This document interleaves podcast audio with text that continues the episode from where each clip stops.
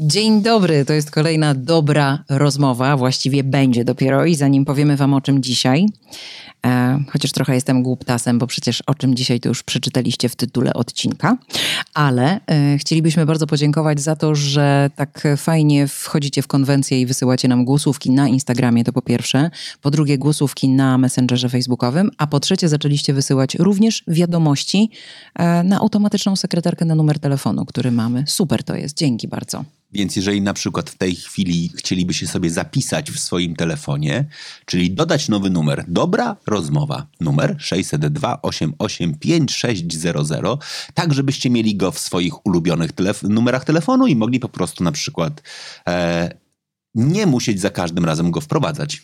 O czym rozmawiamy w kolejnych odcinkach, to są informacje, które na pewno znajdziecie na naszej grupie facebookowej, która nazywa się Dobra Rozmowa. Zapraszamy do niej, na pewno na naszych e, kontach na Instagramie. A dzisiaj chcemy porozmawiać o pracy z bliskimi osobami, e, o spółkach, a może także o jakiejś takiej zależności na zasadzie pracownik-pracodawca e, i w ogóle o wszystkim, co Wam przyszło do głowy w tym y, temacie. Mm, od razu powiem, że ze wszystkimi chyba moimi partnerami życiowymi pracowałam, bo poznawaliśmy się w pracy. Bo moja praca jest taka, że ciężko poznać kogoś spoza branży, bo trochę na to nie ma czasu. W związku z tym pracowałam chyba ze wszystkimi moimi mm, partnerami i e, nie widzę żadnych y, większych wad takiej wspólnej pracy bo zazwyczaj zajmowaliśmy się w tej samej firmie troszeczkę innymi rzeczami. E, I zawsze było ok. Jak się rozwiązek rozpadł, to raczej nie dlatego, że raczej razem pracowaliśmy. Więc ja mam raczej dobre doświadczenia. Ty, Wojtek?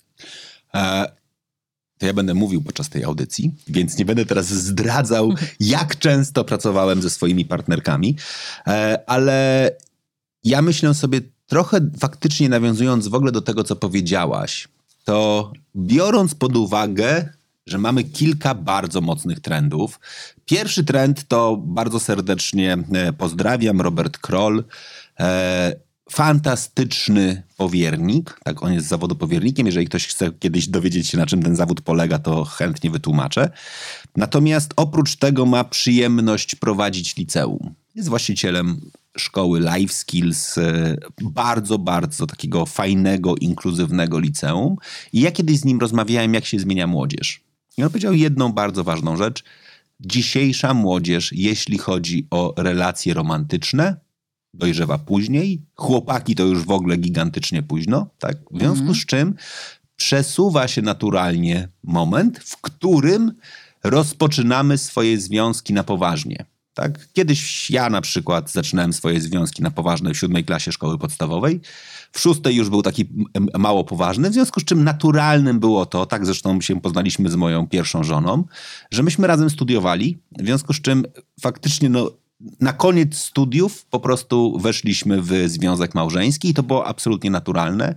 Dzisiaj według wszystkich danych demograficznych widzimy, że ślub jest częściej w okolicy 30 roku życia, a nie 22, co w praktyce oznacza, że bardzo dużo osób musi się poznać ze sobą po skończeniu szkoły, studiów, czyli w najbardziej naturalnym miejscu, czyli pracy. Hmm, ciekawe. Nie pomyślałabym o tym od tej strony. Rzeczywiście ludzie bardzo często poznają się w pracy, no ale te znajomości mogą przebiegać różnie, bo to może być na przykład pracowy romans. Oj, który z reguły jest też tematem bardzo wielu komentarzy. Mm, I to jest w ogóle temat romanse w pracy. To, to jest w ogóle temat chyba też na e, osobną rozmowę. Mm, chociaż właściwie, może skoro już o to zahaczyłam, mamy telefon, mm, telefon, mamy głosówkę, dostaliśmy e, o właśnie trochę pracowym romansie. Czy romans w pracy jest e, czymś dobrym czy czymś złym, czy powinien się wydarzyć. Mm, nie nam to oceniać, bo każdy może być inny. Jeden może być rzeczywiście gorący, namiętny i może być przygodą, a inny może prowadzić do jakichś większych konsekwencji, bo jest na przykład podyktowany e, chęcią uzyskania awansu, zdobycia większych pieniędzy. Ja osobiście miałam dylemat odnośnie pracy mojej dziewczyny z jej byłą dziewczyną. To były obawy spowodowane tym, że będą tyle czasu spędzały ze sobą w pracy, e, w nowym miejscu, w nowych sytuacjach, może gdzieś tam odkryją e, się na nowo, więc e, zależy na jakiej pozycji jesteśmy i z jakiej perspektywy patrzymy. Tak jak powiedziałam, może być przygodą, może być czymś złym, a może też kogoś krzywdzić. Hmm. No i co ty na to? Jak, e, że tak powiem, rozpoczął się ten, proc, ten, ten, ten wątek i ten komentarz, to przypomniał mi się taki mem, który czasem się pojawia na internecie, a mianowicie jest stół konferencyjny z wyraźnie odbitymi pośladkami, z podpisem w sali konferencyjnej pachniało awansem. Mhm. I, I akurat ten wątek pewnie, czyli wątek pod tytułem awans poprzez wejście w relację z osobą decyzyjną, pewnie jest w ogóle tematem, o którym albo nagramy osobną rozmowę, albo powinniśmy go tutaj e, trochę, mam takie chyba przekonanie, wyłączyć, bo on z jednej strony jest dość powszechny, niestety. Mhm. Po drugie, mam takie przekonanie, że on nie zawsze jest intencjonalny. Tak, znaczy, że to wejście w tą relację nie zawsze jest podyktowane tym, że mam na celu uwieść kogoś po to, żeby sobie zorganizować i załatwić awans, ale bardzo często wchodząc w ten awans, on jest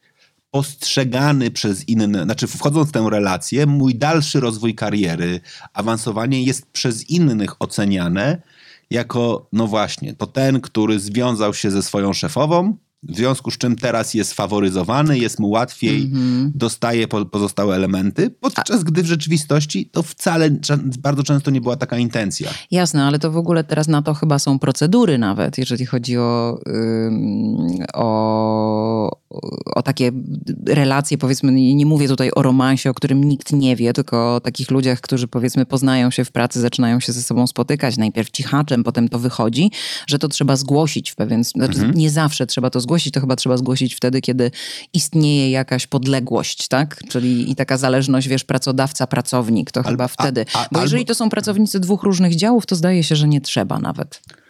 Wiesz co, nigdy nie wiesz, czy to jest dwóch różnych działów. Znaczy, za każdym razem to będzie miało wpływ na dwie rzeczy. Po pierwsze, na to, jak inni będą nas postrzegać, a po drugie, bardzo często też na to, że jesteś na przykład między młotem a kowadłem. Tak? Znaczy, jestem w stanie sobie wyobrazić, że ty jesteś z, nie wiem, działu produkcji, inna osoba jest z działu sprzedaży. W naturalny sposób macie między sobą konflikt, czyli produkcja narzeka, że sprzedaż to jest do niczego, bo nie umie sprzedać czego, czego my genialnie produkujemy, a sprzedaż narzeka, że R&D, czyli rozwój nowych produktów i wprowadzanie ich na rynek plus produkcja nie jest tak szybkie, jakbyśmy chcieli. No i wiesz, i teraz cały zespół narzeka i mówi źle o twoim partnerze lub twojej partnerce, a ty przestajesz być obiektywny. Mhm. Tak, oczywiście. No, z, z, tą, z tym obiektywizmem to jest chyba największy problem. Em, to w, w, przy okazji takiej zależności, że na przykład pracujesz z kimś e, bliskim, czy im jesteś szefem albo podwładnym, no to właśnie wiążą się różne problemy. Zresztą też e, głosówkę mamy na ten temat. Czy to jest dobry pomysł, pracować z mężem?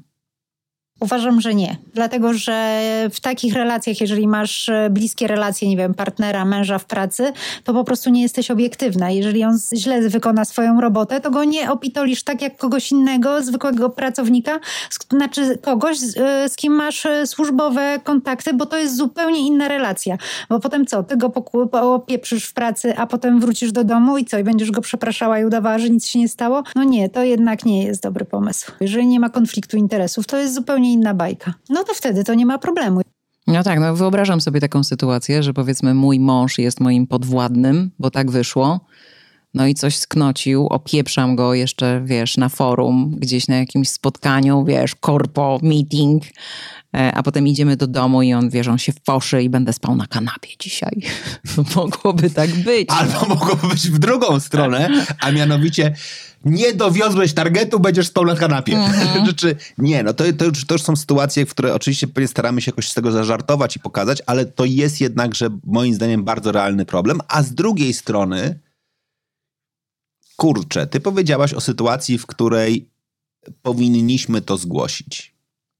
Ja znam sytuacje firm, które miały w swoich procedurach napisane, że nie tylko powinniśmy to zgłaszać, ale że powinniśmy dążyć do faktycznie jakby spowodowania sytuacji, w której nie ma zależności służbowej między nami i nie ma konfliktu interesów. Co na przykład oznaczało, że jeżeli się poznaliśmy w pracy, kilka razy po pracy się spotkaliśmy, zaiskrzyło z nami, zdecydowaliśmy się na to, żeby tworzyć e, relacje i związek, jedno z nas powinno podjąć decyzję na przykład, że zmienia pracę. Mhm. I tu pojawia się moim zdaniem największy problem, a mianowicie znacznie częściej w firmach są procedury również o tym, że nie powinniśmy pracować, będąc w związku, w firmach e, konkurencyjnych. Czyli takie trochę szachmat. Znaczy, wyobraź sobie, kurczę, no, poznajemy się w Unileverze. Mhm. Najbardziej oczywistym przejściem z Unilevera jest Procter Gamble. A teraz nagle okazuje się, że mamy w polityce, że nie możesz mieć konfliktu interesu na poziomie e, swojego związku, w związku z mhm. czym partner nie może lub partnerka tam odejść. I co? No szachmat, tak jak szachmat. mówisz. To co, mamy, jedno ma zostać bezrobotne, czy mamy powiedzieć sobie, że ukrywamy związek, czy, czy co dalej robić? No właśnie, czyli rozumiem, że to jest pod, tak jak na przykład, nie wiem, u dealera samochodowego, tak? Mamy Toyotę i mamy Forda no. i żona pracuje w Toyocie, mąż w Fordzie, tak? Na tym samym stanowisku. Rozumiem, że to też jest jakiś konflikt interesów wtedy przychodzą do domu, wymieniają się doświadczeniami, mówią co o konkurencji. Tak? I wiesz, i dopóki to jest na, na poziomie dokładnie pewnie dealera akurat, tam pewnie jakby wielkiej jakby tajnych informacji nie ma, bo z reguły te informacje są po prostu na tyle dostępne, to po prostu możesz je znaleźć, ale jak już jestem w stanie sobie wyobrazić, dwie osoby pracują w, u producentów lub po, po, po stronie e, właśnie tej bardziej decyzyjnej, strategicznej, to, to może być ciężko. A z drugiej strony, no kurczę, wiesz, ja naprawdę znam przykład organizacji, w której tego typu problemy są, bo mają bardzo, bardzo, bardzo jasno określone zasady dotyczące zakazu e, współpracy z konkurencją, utrzymywania kontaktów z konkurencją. E, nawet nie mogą wejść do punktów sprzedaży konkurencji, na, nawet prywatnie nie mogą, tak? A z drugiej strony, kurczę, no dla, dlaczego jeżeli zacząłem pracować, nie wiem, w sprzedaży szklanek, to w naturalny sposób, jak będę chciał rozwinąć swoją karierę, no to pójdę do innej firmy sprzedającej szklanki, bo to będzie dla mnie najłatwiejsze. -hmm. W mediach to dopiero wiesz, jest przerąbane, nie? Bo ilość Wiesz stacji co, mediów tak jest, jest, jest, bardzo mała. No. no tak, i tak i nie, bo ym, generalnie to chyba nasi szefowie zdają sobie sprawę z tego, że my się między sobą też przyjaźnimy, kumplujemy i nie trzeba być niczyim partnerem. Ja nie muszę, pracując w Radiu Z, y, być żoną Jankesa Zeski, żebyśmy my się spotkali prywatnie, bo rzeczywiście takie sytuacje się zdarzają i żebyśmy pogadali o robocie. To, to w ogóle to, to tak nie jest. I myślę, że nasi pracodawcy zdają sobie sprawę z tego, tym bardziej, że istnieje też duży ruch w tym biznesie. No właśnie. Czyli mm, wiesz, dzisiaj pracuję w Zetce, jutro w Esce, a pojutrze być może w RMF-ie, tak? I z każdą zmianą rozwód. może nie aż tak, ale wiesz co, my tu rozmawiamy o takich dużych firmach, o korporacjach właściwie, ale są też przecież, jest pełno takich małych, na przykład rodzinnych firm, rodzinnych, innych. No, jest szef, tak, i, i on zatrudnia na przykład, nie wiem, maks pięć osób. I tam, wiesz, w, wśród tych osób na przykład wywiązuje się jakaś relacja romantyczna to nie ma chyba takich jakichś procedur, szefie, a my to jesteśmy razem. No tam szef się pośmieje pewnie, no tutaj to pewnie coś tam zaiskrzyło. Jeszcze wesele zorganizuje. Oczywiście, albo wiesz, albo wręcz będzie się czuł zaproszony na wesele, jeżeli takowe będzie, albo będzie chciał, by, chciał być chrzestnym dziecka, jeżeli się pojawi.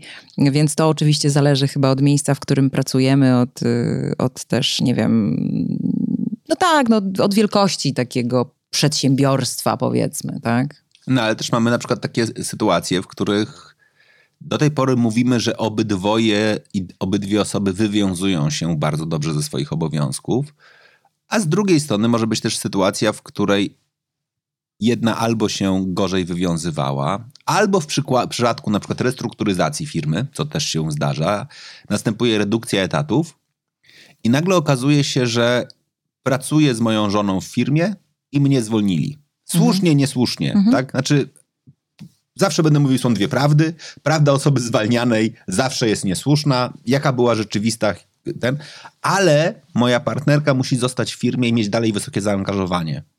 Mhm. A ma poczucie niesprawiedliwości, tak? Ma poczucie tego, że właśnie jej męża dotknęła ta e, niesprawiedliwa sytuacja i bardzo ciężko później jest tym zarządzić. Myślę, że masz rację.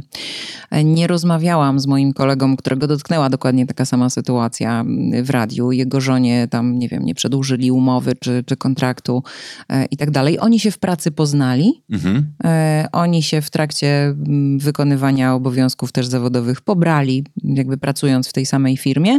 E, po czym ona się z firmą rozstała, nie z własnej woli, tylko to firma się z nią rozstała. Nie zauważyłam, żeby w jakikolwiek sposób na niego to wpłynęło, Aczkolwiek y, domyślam się, że to nie jest, y, że to nie jest miła sytuacja, bo, bo rzeczywiście on na pewno ma pewne tam poczucie niesprawiedliwości, więc tak, masz rację, to, to musi być y, trudna sytuacja, no ale wiesz, no to taki truizm, no miłość nie wybiera, no po prostu amor cię ustrzela cię, w, wiesz, w tyłek czasem w każdym naj, najmniej oczekiwanym miejscu, no więc jeżeli cię ustrzeli w robocie, no to co zrobisz, no najgorzej się zakochać w szefie, uważam. To musi być przerąbane.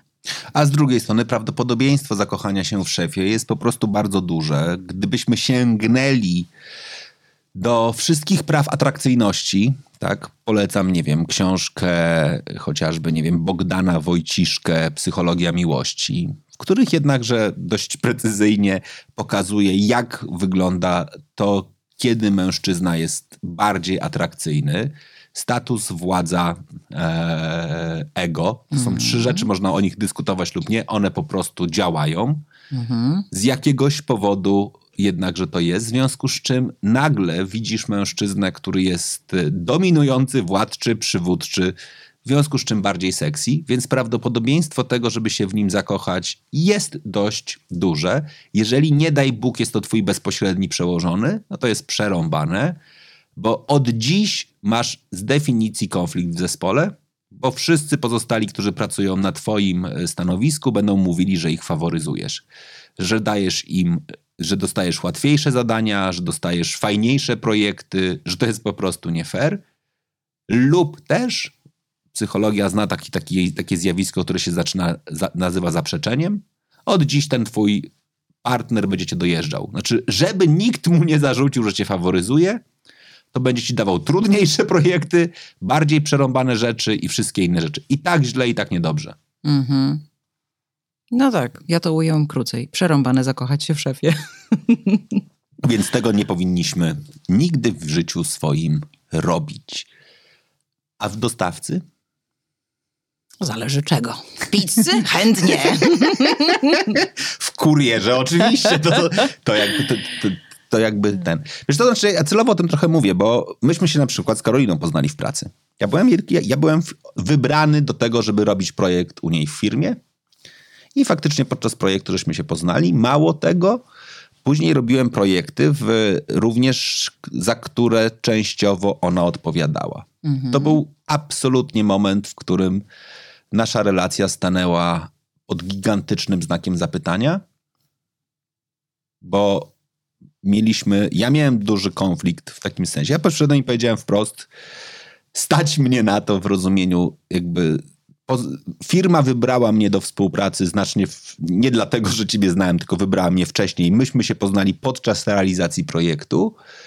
Więc ja powiedziałem, dobra, ale ja mogę zrezygnować. Tak? Znaczy, jeżeli to ma naprawdę jakby zaburzyć naszą relację, to ja po prostu jakby porzucę jestem w stanie, mam kilkudziesięciu innych klientów, strata jednego nie spowoduje, e, nie spowoduje żadnej straty, jakby takiej konsekwencji finansowej. Nie po to tam jestem, żeby, żeby, żeby to było, mogę sobie z tym poradzić. I wtedy pojawiło się najważniejsza rzecz. Szefowa Karoliny, która jest najcudowniejszą osobą na świecie, wzięła ją na spotkanie, powiedziała: Ja wiem. Mhm. I chciałam ci powiedzieć, że akceptuję okay. i teraz zróbmy wszystko, żeby was zabezpieczyć.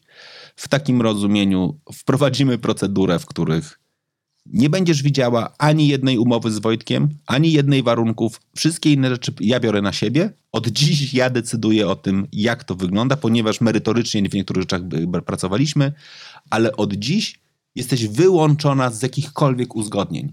W ogóle jakby... Wspaniałe. To jest w ogóle bardzo dojrzałe takie biznesowe podejście, mam wrażenie, bo to jest jednocześnie e, taka em okazanie empatii i takiego zrozumienia dla zwykłych ludzkich spraw, z drugiej strony zabezpieczenie biznesu, Mhm. I gdzieś szukanie jakiegoś złotego środka. Bardzo mi to imponuje. Nie wiem, czy z punktu rzeczywiście może biznesowego to była dobra decyzja. Nie mam pojęcia, nie znam się, nigdy nie byłam szefem, yy, nigdy nie szefowałam, wiesz, korporacji czy jakiejś dużej firmie, nie szefowałam projektom i tak dalej, więc nie wiem, nie, nie mam pewności, ale mnie się to bardzo podoba. To jest takie ludzkie podejście. Um, bo ostatecznie chodzi też o ludzkie szczęście, nie tylko wiesz, o hajs, który tutaj robimy. No, szefowa jej powiedziała jedno bardzo ważne zdanie. Pamiętaj, ta firma istniała bez ciebie. Najprawdopodobniej po tobie też sobie poradzi. E, jesteś dla nas szalenie cennym pracownikiem, ale zadbaj dokładnie o siebie. Cudownie to kiedyś podsumował mój przyjaciel, e, który faktycznie poznał e, dziewczynę w pracy i tam to było bardzo trudne, tak, bo to kancelaria prawna z bardzo jasnymi jakby zasadami. E, więc też musiał to zgłosić i faktycznie pod znakiem zapytania stało to, czy mu pozwolą, czy nie, w cudzysłowie, czy na przykład której z nich właśnie nie będzie musiało odejść. I, jak, I on powiedział, wiesz co, ja przez ostatni rok byłem na większej ilości dobrych rozmów kwalifikacyjnych niż na dobrych randkach z Tindera.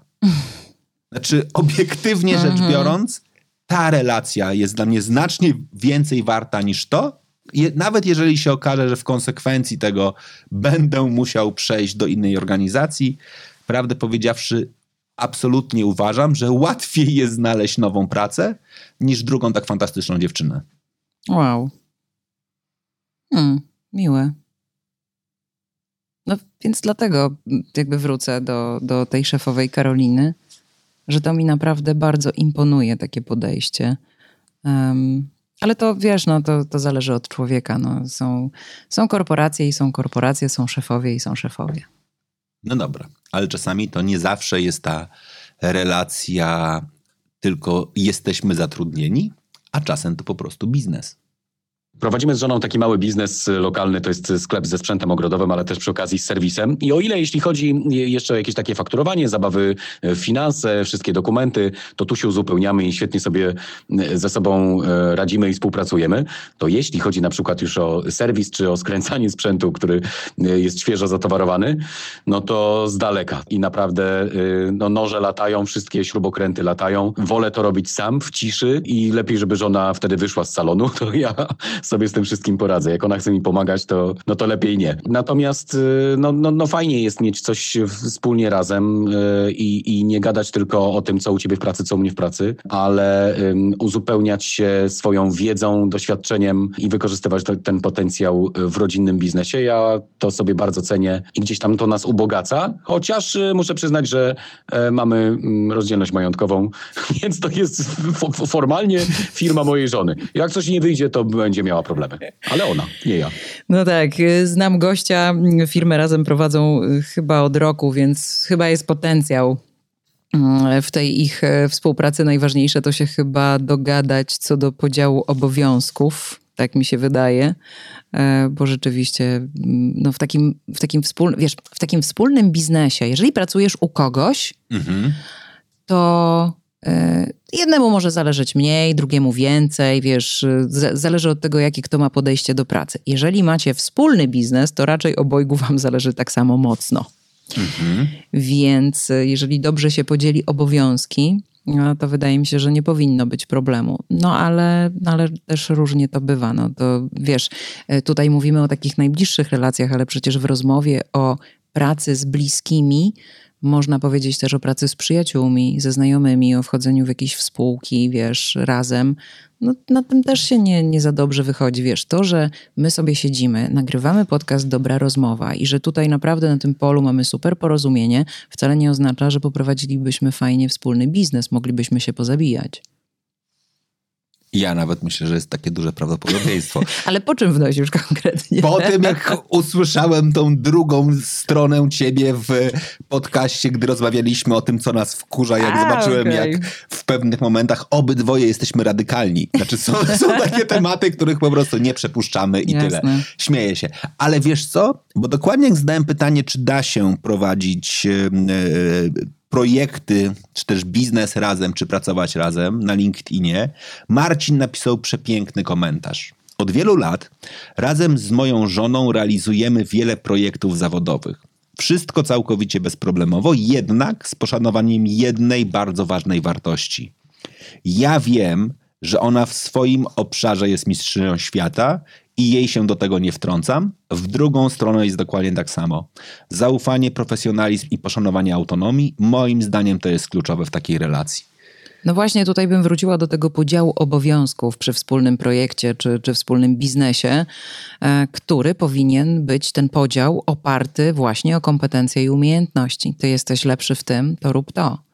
Ja jestem lepsza w tym, to będę robiła to. No po prostu. To nie jest tak, że dobra, to róbmy porówno, tylko żeby było sprawiedliwie, albo ja dzisiaj nie mogę, to ty zrobisz. Nie, naprawdę pilnujmy swoich obowiązków, bo tylko wtedy to się może udać po prostu. No. Z drugiej strony faktycznie trzeba pamiętać o tym, że to, co najbardziej rozwija gospodarkę i ta część, e, która ma największy wpływ jednakże chociażby na PKB, to są firmy rodzinne po prostu. Tak? Przypomnę, w kategorii firm rodzinnych, e, e, nie wiem, na przykład z tych bardziej znanych, LPP jest firmą rodzinną, czyli faktycznie jakby e, jedna z największych marek odzieżowych w Polsce. Czyli Nadal- ci, którzy mają rezerw, tak? O, o tej firmie o tej, mówisz. o tej Mhm. firmie mówię. Oni dalej są firmą, firmą rodzinną. No i to jakby jest coś, co też warto brać pod uwagę, bo bardzo często myśląc firma rodzinna, mamy na myśli firmę, która ma trzy osoby. Mhm. Możemy mieć firmę rodzinną, która za- zatrudnia kilka tysięcy osób.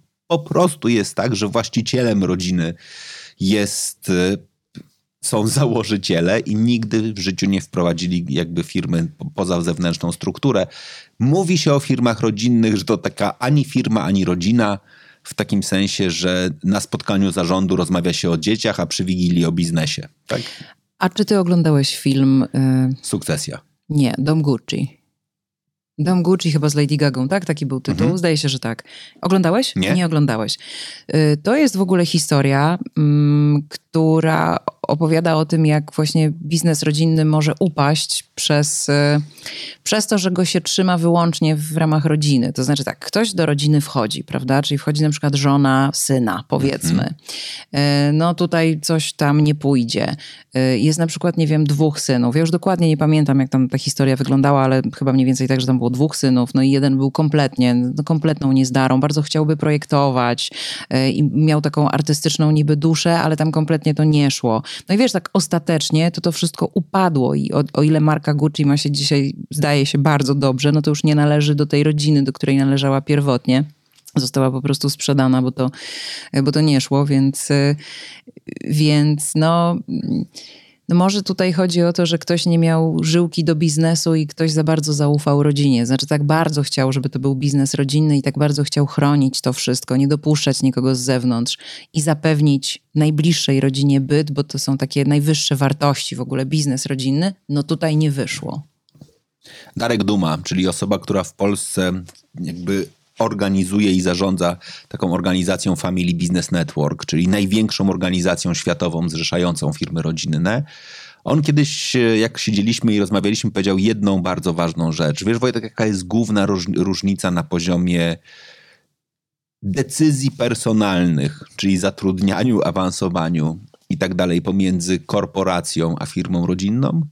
W firmie rodzinnej na pierwszym miejscu jest zaufanie, korporacji na pierwszym miejscu są kompetencje. Tak? Znaczy, najpierw się wykaż kompetencjami, a my ci zaufamy, a w firmie rodzinnej jest to, że znamy cię, ufamy, to rozwiniemy twoje kompetencje, albo i faktycznie ich czasami nie rozwiniemy. Ale to w ogóle byśmy musieli też dojść do takiego momentu pod tytułem, no właśnie, a jak to jest pracować z perspektywy relacja ro, rodzice-dzieci? Ja na przykład nie polecam pracy z rodzicem, e, najbardziej z mamą, gdyż wchodzi się e, w taką rolę trochę obrońcy i y, można się skłócić z, również z innymi pracownikami, y, kolegami, koleżankami, którzy pracują również y, z tobą, bo po prostu zawsze widzisz winę tego drugiego człowieka i nie jesteś obiektywna, zawsze stoisz po stronie swojej mamy. Więc na przykład praca z mamą też nie jest dobra. No rzeczywiście ja znam bardzo wiele takich sytuacji, w której w tym biznesie rodzinnym to właśnie mama lub ojciec byli szefami i założycielami biznesu i zatrudniali swoje dzieci. E, rzadko chyba gdzieś na mojej drodze stawał ktoś w odwrotnej sytuacji, czyli że to dziecko zakładało biznes i zatrudniało potem na przykład swojego ojca. Takiej sytuacji raczej nie znam. A ja znam, ale to dobra, to jest do, w ogóle dobry moment na to, żeby was poprosić o głosówki w tej sprawie. Znaczy, albo komentarze do tej, może nie jakby po to, że je wykorzystamy w tej rozmowie, bo to pewnie będzie niemożliwe, ale dawajcie komentarze, bo szczególnie, teraz naprawdę się o tym zastanawiam, dzisiaj w świecie, w którym modne jest bycie startuperem, modne jest zakładanie biznesu, tak? Ja jestem z tego pokolenia, w którym modna była z definicji praca w korporacji i nas to znacznie bardziej kręciło niż posiadanie własnych firm. Czyli wchodzi to pokolenie, które lubi zakładać biznes, czy macie przykłady dookoła siebie, że ludzie zakładają biznes i no właśnie sięgają po kompetencje rodziców w taki mhm. naturalny sposób? No właśnie. No naprawdę nie znam y, takiej sytuacji. Odwrotne owszem i faktycznie w każdej sytuacji, w tych sytuacji był zawsze jeden i ten sam problem, który opiera się po prostu o zależność rodzic-dziecko. Matka zawsze będzie cię uważała za swoje dziecko przede wszystkim, to, to, to na pierwszym miejscu. Ona nie wiem, na którym miejscu będzie dojrzenie w tobie swojego pracownika albo zaufanej osoby, tak? To, to będziesz zawsze na, na początek będziesz po prostu jej dzieckiem. I e, wydaje mi się, że jednak to takie rozstawianie po kątach może się przenieść również na relacje zawodowe, jeżeli to mama zatrudnia swoje dziecko do swojego biznesu. No i takie wiesz, no co ty wiesz, gówniarzu, to może troszeczkę tak wyglądać. Wiesz co, to w ogóle moim zdaniem to jest też taki problem polski. To znowu wynika z bardzo prostej rzeczy, a mianowicie my mamy bardzo krótką kulturę firm rodzinnych i to znowu jakby osoby, które, które znam, które odpowiadają za firmy rodzinne zarówno w Polsce, jak i na międzynarodowe, mówią, że jak jest spotkanie polskich firm rodzinnych i jest taka zasada, że e, przy każdym stole siedzi jedna rodzina, no to nam siedzą, wiesz, cztery, może czasami sześć osób. Jak robisz to spotkanie na poziomie europejskim albo światowym, to się nagle okazuje, że przy tym stole siedzi 40 osób, no bo w naturalny sposób takie jak mamy drzewo genealogiczne, to tak samo jak sześć pokoleń temu dziadek założył firmę i najpierw dał ją trzem synom, później tych trzech synów miało swoich ośmiu synów.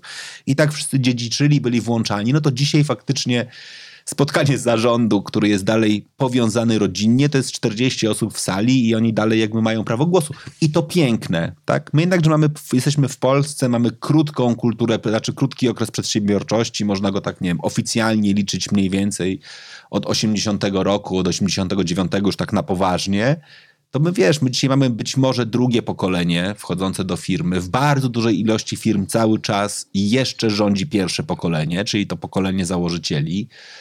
E, ja, jak patrzę po swoich klientach, to naprawdę rzadko kiedy widzę trzecie pokolenia. Tak? Znaczy, widzę założycieli, widzę ich dzieci.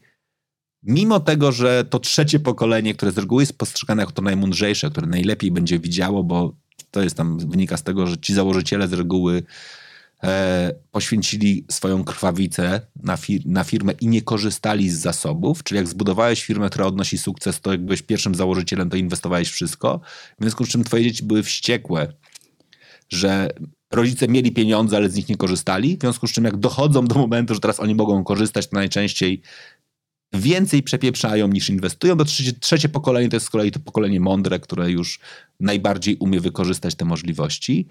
Ale z tej perspektywy patrząc, to ja myślę, że jest znowu bardzo często ta sytuacja, w której my nie szanujemy, krótko mówiąc, dziedzica. W ogóle, tak? Ja nie znam z wielkim szacunkiem na przykład osób, które, znaczy z, z, dla osób, osób, które z szacunkiem e, wypowiadają się chociażby, nie wiem, o Dominice Kulczyk. Tak naprawdę, tak? Znaczy wszyscy mówią z takim, wiesz, trochę Co ona wie o tym biznesie? Odziedziczyła fortunę po ojcu. Ni- nikt jej sam nie dał, sama wszystko odziedziczyła. Sama wszystko odziedziczyła. Ej, czekaj. Znaczy, ona nie ma absolutnie żadnego obowiązku, ani nigdy nie powinna się tłumaczyć z tego, że się urodziła w zamożnej rodzinie, w której po prostu były pieniądze gigantyczne i w naturalny sposób jako spadkobierczyni ma prawo po swojemu pomnażać tę fortunę, nawet jeżeli jej w niektórych miejscach nie pójdzie. Jasne. Spoko.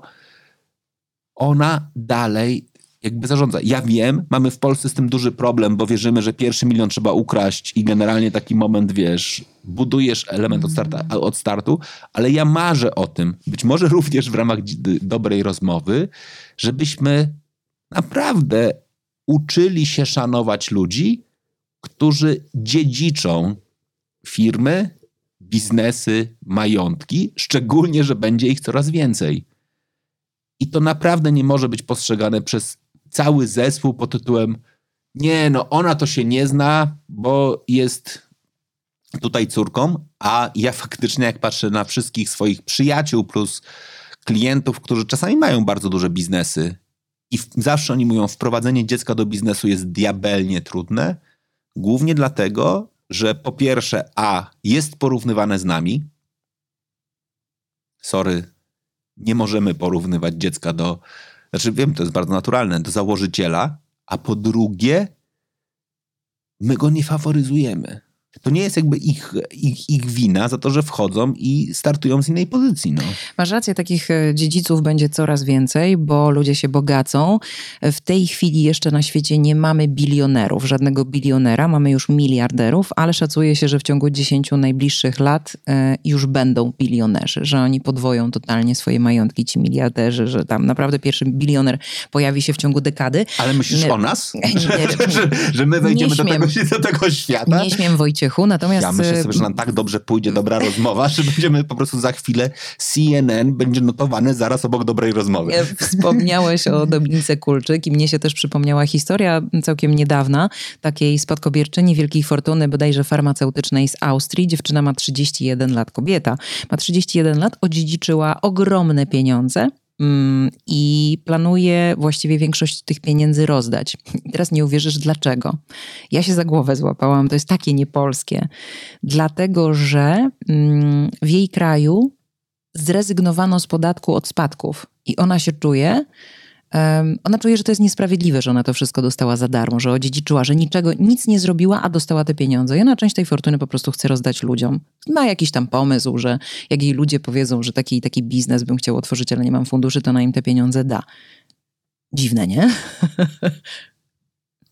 Wojtek, jesteś? Masz do niej numer? A przynajmniej maila? Ale to była taka dygresja.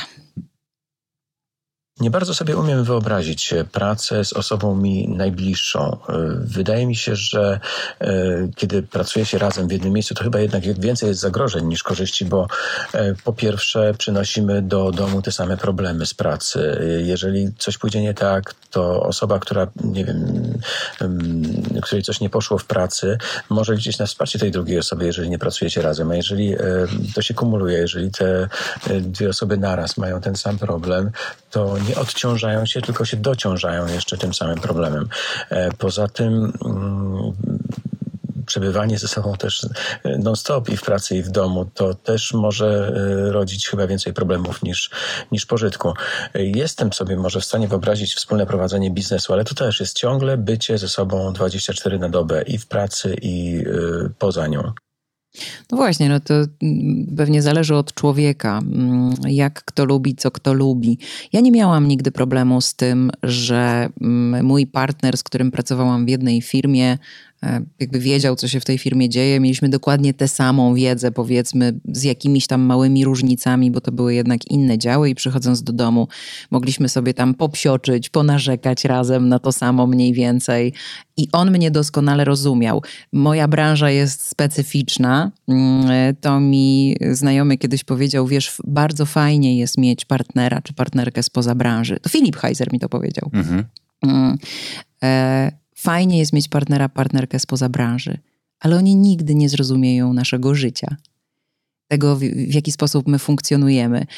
I rzeczywiście on ma dużo racji w tym, co mi powiedział, bo ja to przetestowałam na sobie. No dlaczego ja przez całe życie mam 45 lat i ja przez całe życie, oprócz pierwszego takiego poważnego partnera, miałam partnerów z pracy, to znaczy takich, których poznawałam gdzieś przez pracę właśnie. Oni byli dziennikarzami głównie.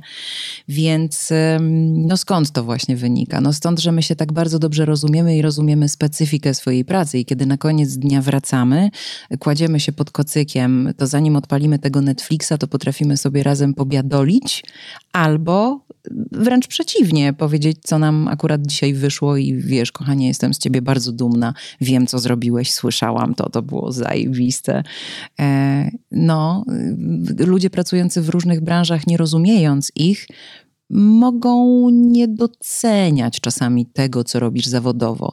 Nie wiem, czy to jest do końca każdemu potrzebne, żeby cię mąż bardzo doceniał w związku z tym, co ty robisz w swojej pracy, bo jeżeli tego nie rozumie, e, nie zna, no to jakby siłą rzeczy on nie wie, czy to, co akurat dzisiaj zrobiłaś, to było dobre, czy niedobre, czy to się przy, przy, przysłuży twojej firmie, czy się nie przysłuży i tak dalej. Ale wiesz, no, można rozumieć, pracując jednakże w różnych miejscach, tak? Ale nie trzeba być w tym samym kotle, tak? Żeby to faktycznie jakby rozumieć bardzo dobrze. Natomiast ja myślę sobie trochę to, od czego zaczęliśmy tę rozmowę, że ten trend będzie musiał się, będzie narastał, kropka, koniec, tak? Znaczy biorąc pod uwagę... Jaki? Par, związki, związki pracy? pracy? Mhm. Tak, znaczy wszystkie moim zdaniem dane, również demograficzne, E, o tym e, będą jakby to o tym świadczyły, no bo okej, okay, ja rozumiem, jesteśmy w stanie się poznawać na Tinderze, ale jednakże w naturalny sposób najwięcej relacji poznajemy i budujemy w pracy. Praca stanowi gigantyczną część naszego, e, naszego życia. Mało tego, z perspektywy znowu całej psychologii, jakby zakochiwania się w pracy są emocje. Nawet jeżeli tym, to, tymi emocjami jest, nie wiem, wkurw, złość, agresja, smutek i tak dalej, i one nie zawsze są tylko tymi pozytywnymi emocjami, to jednakże one też w, w, pomagają temu Amorowi, który strzela strzałami i bo jakby strzały latają szybciej, jeżeli są niesione emocją. No. No, ale ładnie to powiedziałeś. Ładnie, nie? No, o, powiem ci, umiesz te słowa, naprawdę. U, umiem tutaj, tutaj zrobić, no dobra. Ale w takim razie, co jeśli to zaiskrzy? Pracowałem ze swoją żoną e, no, ze dwa lata i powiem tak, e, wspólna praca czasami jest fajna, natomiast o wiele zdrowsze jest, gdy jesteśmy osobno, tak? Mamy więcej tematów, e, razem czasami nie wychodzimy e, z tego samej pracy, nie, nie, jesteśmy cały czas w tym samym sosie i zdecydowanie myślę sobie, że nasze relacje, one i tak zawsze były dobre, ale teraz są bardzo, bardzo dobre. E, więc e, polecam, tak samo jak pamiętam była pandemia i było, mieliśmy razem zdalną pracę, też się gdzieś tam w pewnym momencie widziałem, że jest jakieś coś tam bywało na ostrzu noża. E, więc dla mnie to jest lepsze. Czyli tutaj może głównie chodzić o tę ilość czasu, które, którą w, wspólnie spędzamy, prawda? Że to może być troszeczkę za dużo, że jakby dla higieny związku dobrze jest czasami ze sobą zatęsknić, nawet przez ten dzień pracy ośmiogodzinny, tak? Albo delegacje. Albo delegacje. No bo jeżeli właśnie na przykład też na wszystkie imprezy integracyjne wyjeżdżamy razem, na wszystkie spotkania i tak dalej, to, mm. to faktycznie jest tego dość dużo. Ale minimalizujemy wtedy y, jakąś szansę romansu na wyjeździe. Wiesz, co się dzieje na imprezach integracyjnych? Ja niestety wiem, bo jestem bo na organizowałeś? Bo, bo, jestem na nich zawodowo regularnie. Jakby i, I faktycznie jest tak, że... E, to jest w ogóle ciekawe, kiedyś jeden klient się na mnie obraził śmiertelnie, że e, nie przyszedłem na imprezę. To w ogóle naprawdę, ja celowo o tym mówię, bo to dla mnie była najbardziej zabawna historia świata. Ja się o tym dowiedziałem po latach że robiłem dla klienta dużą konferencję, w sensie występowałem na niej, tam byłem organizatorem i faktycznie wieczorem nie przyszedłem na kolację. Jak, jak już wielokrotnie mówiłem w tej, e, w tej rozmowie, ja jestem introwertykiem.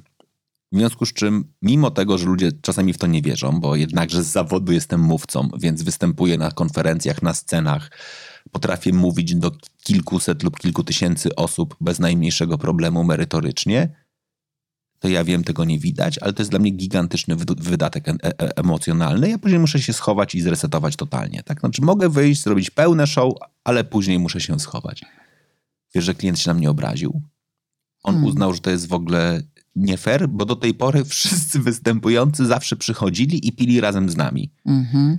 Ale to nie było tak, że on mi, nie wiem, powiedział, zaprosił, czy też powiedział, tylko on po prostu uznał, że to jest tak naturalne, że skoro tam jestem w tym hotelu, to przecież wiadomo, że przyjdę na kolację.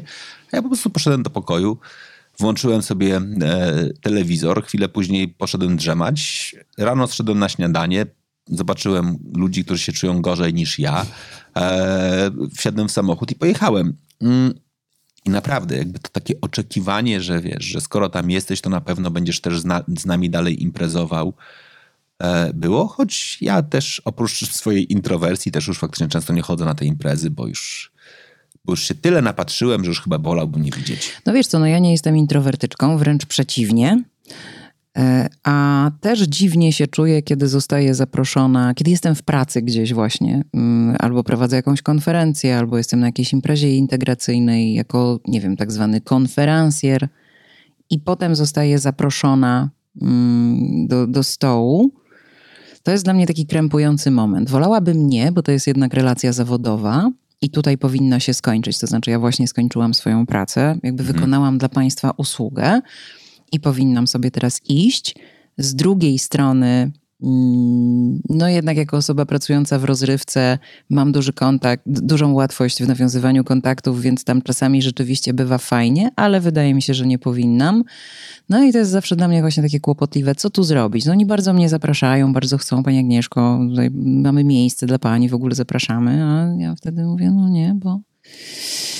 Mm. A wiesz, a powiedz wtedy, że uważam, że to nie wypada, to w Nie. ogóle nie, ale skąd? Wypada, nie ma ale problemu. Totalnie, my zapraszamy. No i właśnie to jest też takie kłopotliwe. Żeby też nie było, pojawiam się. Pojawiam się tam, gdzie też mam większą przyjemność z bycia i to też tam, gdzie się nie pojawiam, to też nie bierzcie tego taką e, pe- personalnie, to nie zawsze wynika z tego, że tej przyjemności nie mam. Ale faktycznie tak, tak po prostu czasem jest. No dobra. Czy rozwiązaliśmy problem, czy można pracować, czy nie można pracować? Nie. Ty masz doświadczenia, że pracujesz. Ja też takie, e, takie mam. Uważam, że można tylko pod jednym warunkiem, jak się bardzo precyzyjnie ustawi granice w zespole, czyli żeby inni nie czuli tego, że nasza osobista relacja wpływa na podejmowane decyzje, na faworyzowanie kogoś, że są podwójne standardy, na przykład patrz, zepsułeś, ale cię nie, nie, nie opieprzę, bo przecież jesteś, będę ci dawał wyższą premię, lepsze projekty, to wtedy naprawdę rozpierdziela. E, Myślę, że nie tylko tę relację, bo ją może budować, ale relacje z pozostałymi e, członkami zespołu, a z drugiej strony chyba to będzie takie duże wyzwanie dzisiaj dla organizacji, żeby się po prostu tego nauczyły, bo to, co, w co ja będę bardzo konsekwentnie wierzył, to będzie narastało. Czy to już wszystkie głosówki, które dostaliśmy? Tak. To ja na koniec y, opowiem taką anegdotę, żeby trochę było śmiesznie. E, Kiedy wyjeżdżałam na wakacje w zeszłym roku, moja koleżanka z pracy mnie zaczepiła i mówi, a słyszałam, że jedziesz tam i tam, o fajnie, fajnie, a to z kim jedziesz? Ja mówię, a tam jedziemy w, w cztery osoby. E, I wymieniłam jej te osoby. Ona mówi, to chyba w pięć. Ja mówię, nie, no jak w pięć? No a Michał? I ja mówię, no, no, no nie, no bo myśmy się rozstali. Jak to kiedy? Ja mówię, no rok temu.